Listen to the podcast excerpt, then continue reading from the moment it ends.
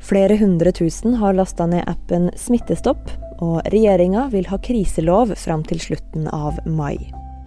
Det her er korona kort forklart fra Aftenposten. Det er fredag ettermiddag 17. april.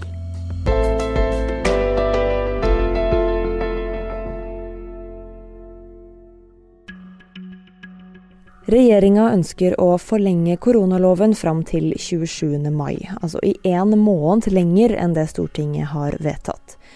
Loven gir regjeringa fullmakt til å sette til side lover som vanligvis gjelder, og vedta regler som skal hindre smittespredning og holde samfunnet i gang. I formiddag hadde 730 000 i Norge lasta ned appen Smittestopp, ifølge NRK. Appen ble lansert av statsministeren i går, og skal sørge for at de som har vært i nærheten av noen som er smittet av koronaviruset, får en beskjed om det på telefonen sin.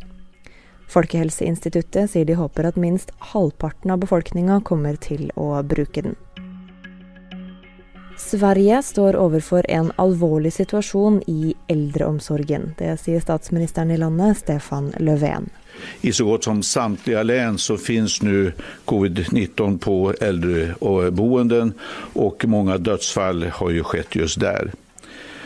Här och nu är det avgörande att du som anhörig fortsätter att följa besöksförbudet. Jag förstår att det är svårt, det är frustrerande naturligtvis att inte kunna besöka dina nära och kära på äldreboenden och att inte kunna vara nära dem i en sån här tuff stund. Men det är livsviktigt. Sverige skal nå gjennomføre 1000 inspeksjoner i eldreomsorgen de neste ukene, og de skal bl.a. granske hygienerutiner.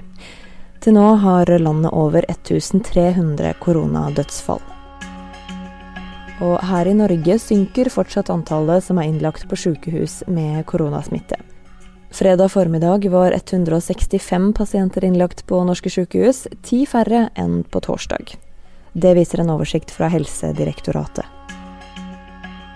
Kina har nå oppjustert tallene for hvor mange som døde av koronaviruset i Wuhan til nesten 3900.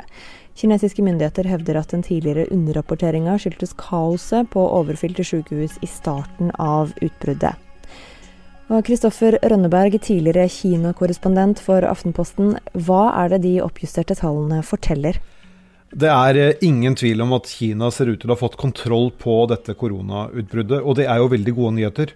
Samtidig er det ingen tvil om heller at vi skal ta de konkrete tallene med en stor klype salt. Kina er et eh, autoritært land der de offisielle tallene ofte har en politisk hensikt og kan justeres på ulike nivåer for å tilfredsstille kravene fra ledelsen i, i Beijing.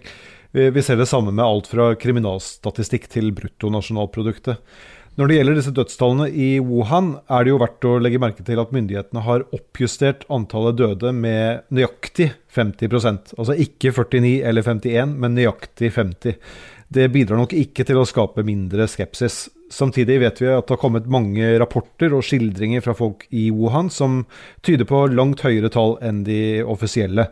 Blant annet har den uavhengige kinesiske avisen Kaixin publisert bilder fra krematoriene i byen, etter at de måtte bestille mange tusen flere urner enn eh, normalt. Det er eh, sannsynligvis disse rapportene som har gjort at myndighetene nå ble presset til å oppjustere tallet, men eh, mye tyder på at det reelle tallet det er langt høyere.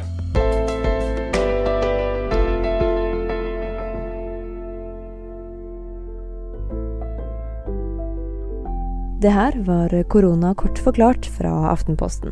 Vi gir deg det siste om koronaviruset de ettermiddagene det er noe nytt å fortelle. Jeg heter Anne Lindholm, og hvis du har spørsmål eller tilbakemeldinger, så er det lettest å nå oss på Facebook-siden Forklart.